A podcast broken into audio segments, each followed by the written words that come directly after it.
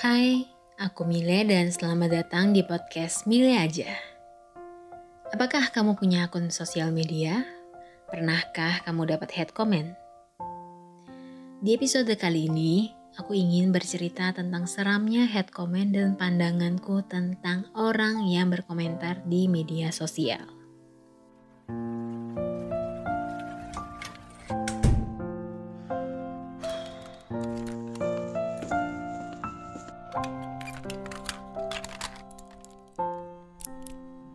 Kisah dan cerita hanya di podcast Mile aja. Aku adalah pengguna sosmed tentu. Mulanya aku sering main Instagram, tapi akhir-akhir ini aku mulai menjarah ke TikTok. Sebenarnya ini juga karena aku kerja di bagian sosmed. Jujur, menggunakan sosmed itu menakutkan dan melelahkan untukku. Namun untuk saat ini aku nggak bisa melepas dari sosmed gitu aja Apalagi sekarang serba teknologi dan orang berkoneksi lewat media sosial. Dan dari situ, aku sempat mengamati orang-orang dari cara mereka pakai sosmed. Dari situ aku melihat beberapa karakter besar orang-orang dalam menunjukkan karakter diri mereka. Dan by the way, aku juga sebelumnya ada bahas di blogku tentang satu teori yang menunjukkan bagaimana seseorang mengekspresikan diri dari medsos. Tapi selain dalam mengekspresikan diri di sosmed, ternyata aku menemukan tiga karakter besar ketika orang berkomentar di sosmed. Yang pertama mereka pasif, mereka akan diem aja melihat topik postingan dan sesekali baca komentar, tapi nggak reply. Yang kedua mereka komentar dan biasanya pakai analisa, bahas terstruktur atau logis lah dan isi komentarnya berbobot dan senetral mungkin.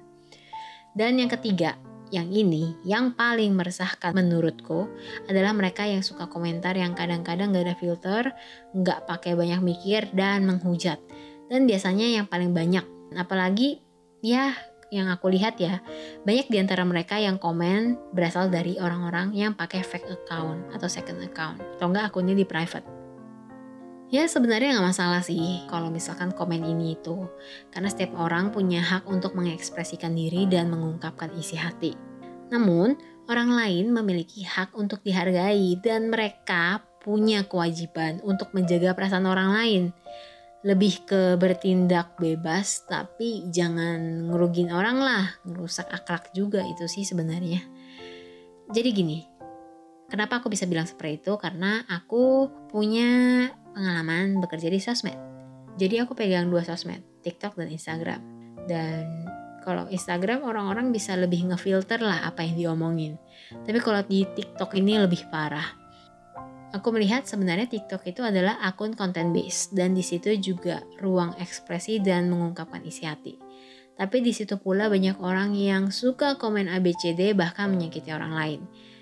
Dan di situ pekerjaanku sebagai sosmed, aku disuruh untuk pilih konten yang agak kontroversi biar naikin engagement dan memicu perdebatan.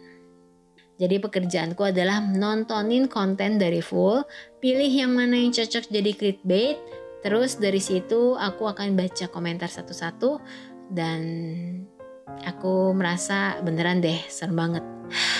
Banyak kata-kata negatif, banyak komentar merendahkan, menghina, dan mungkin dari situ aku sadari juga untuk konten TikTok yang masih baru dan orang-orangnya agak menengah ke bawah ya.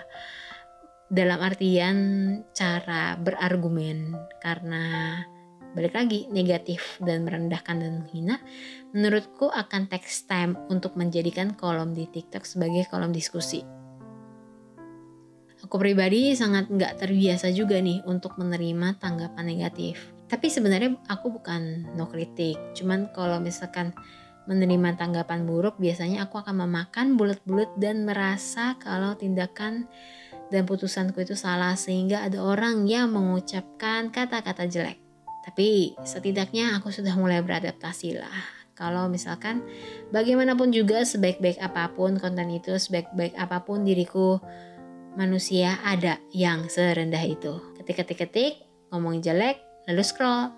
Kalau dilihat-lihat secara general ya, aku sampai sempat baca satu artikel kalau misalkan dia kasih tahu Indonesia, ya negara kita, termasuk tingkat kesopanan terburuk dalam menggunakan internet. Dan yang kau ketahui ada tiga faktor. Faktor gara-gara banyak hoax dan penipuan, faktor karena ujaran kebencian, dan gara-gara banyak diskriminasi. Aku bahkan punya pengalaman kalau gara-gara orang berpendapat beda, si orang itu bisa dihujat habis-habisan. Dan aku sebenarnya nggak membela si orang yang beda pendapat ini. Tapi kan kayak setiap orang itu beda, pasti pendapatnya beda-beda.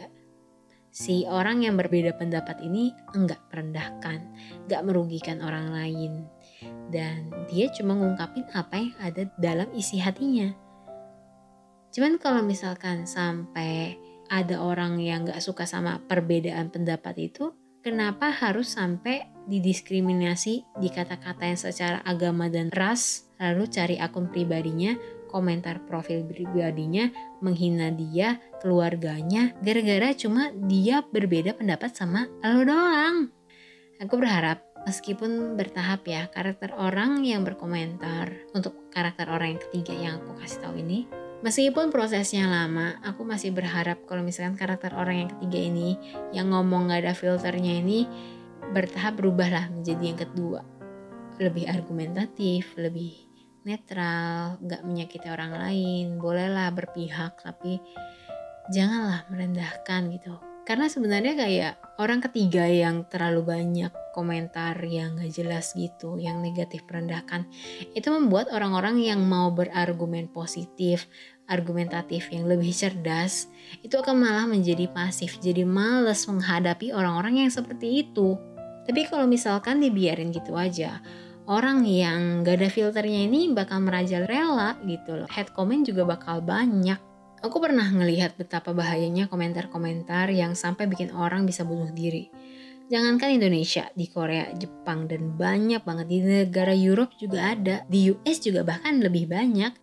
Itu gara-gara head comment doang loh orang bisa merasa hidupnya nggak berguna, merasa dia nggak berdaya. Dan aku pribadi sebenarnya juga termasuk orang yang akhirnya jaga image biar menghindari head comment aku cari postingan atau aku berkomentar senetral mungkin biar gak memancing komentar negatif karena cacian dan hal-hal yang gak enak menurutku.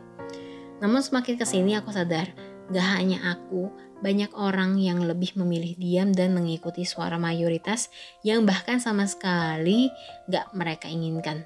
Lebih tepatnya sebenarnya mereka lebih ke cari aman.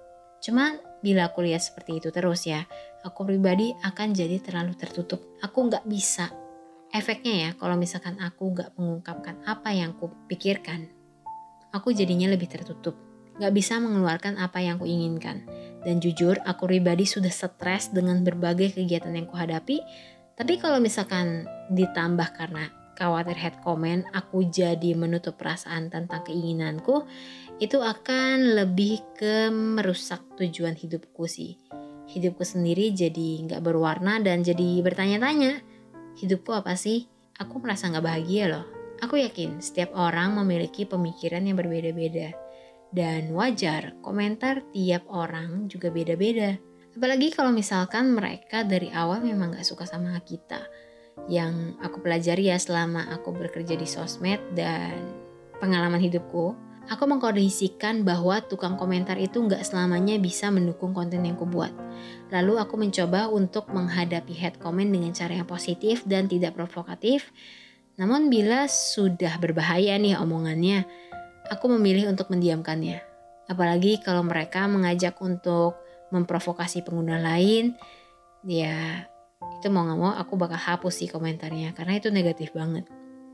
Jujur, Konten yang kelola saat ini termasuk edutainment, edukatif namun menghibur. Jadi aku akan berusaha untuk menjaga si sosmed yang ku kelola ini bisa membangun knowledge bagi pengguna dan mungkin ini termasuk peran sebagai PR juga kali ya di media. Aku tahu sebagai pengguna media sosial apalagi megang sosmed punya tanggung jawab yang besar. Aku sendiri nggak bisa mencegah jempol-jempol orang untuk mengetik sesuatu yang mungkin bisa aja negatif.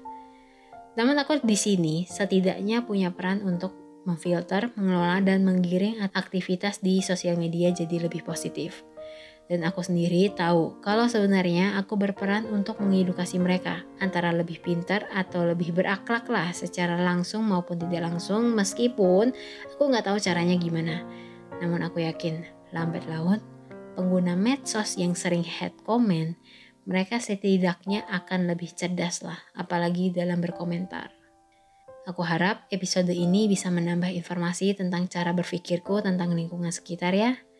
Semoga kamu juga bisa lebih positif dalam berkomentar di media sosial dan mengabaikan head comment yang ada di sana. Demikian podcast Mile aja kali ini. Aku Mile dan sampai jumpa di episode selanjutnya.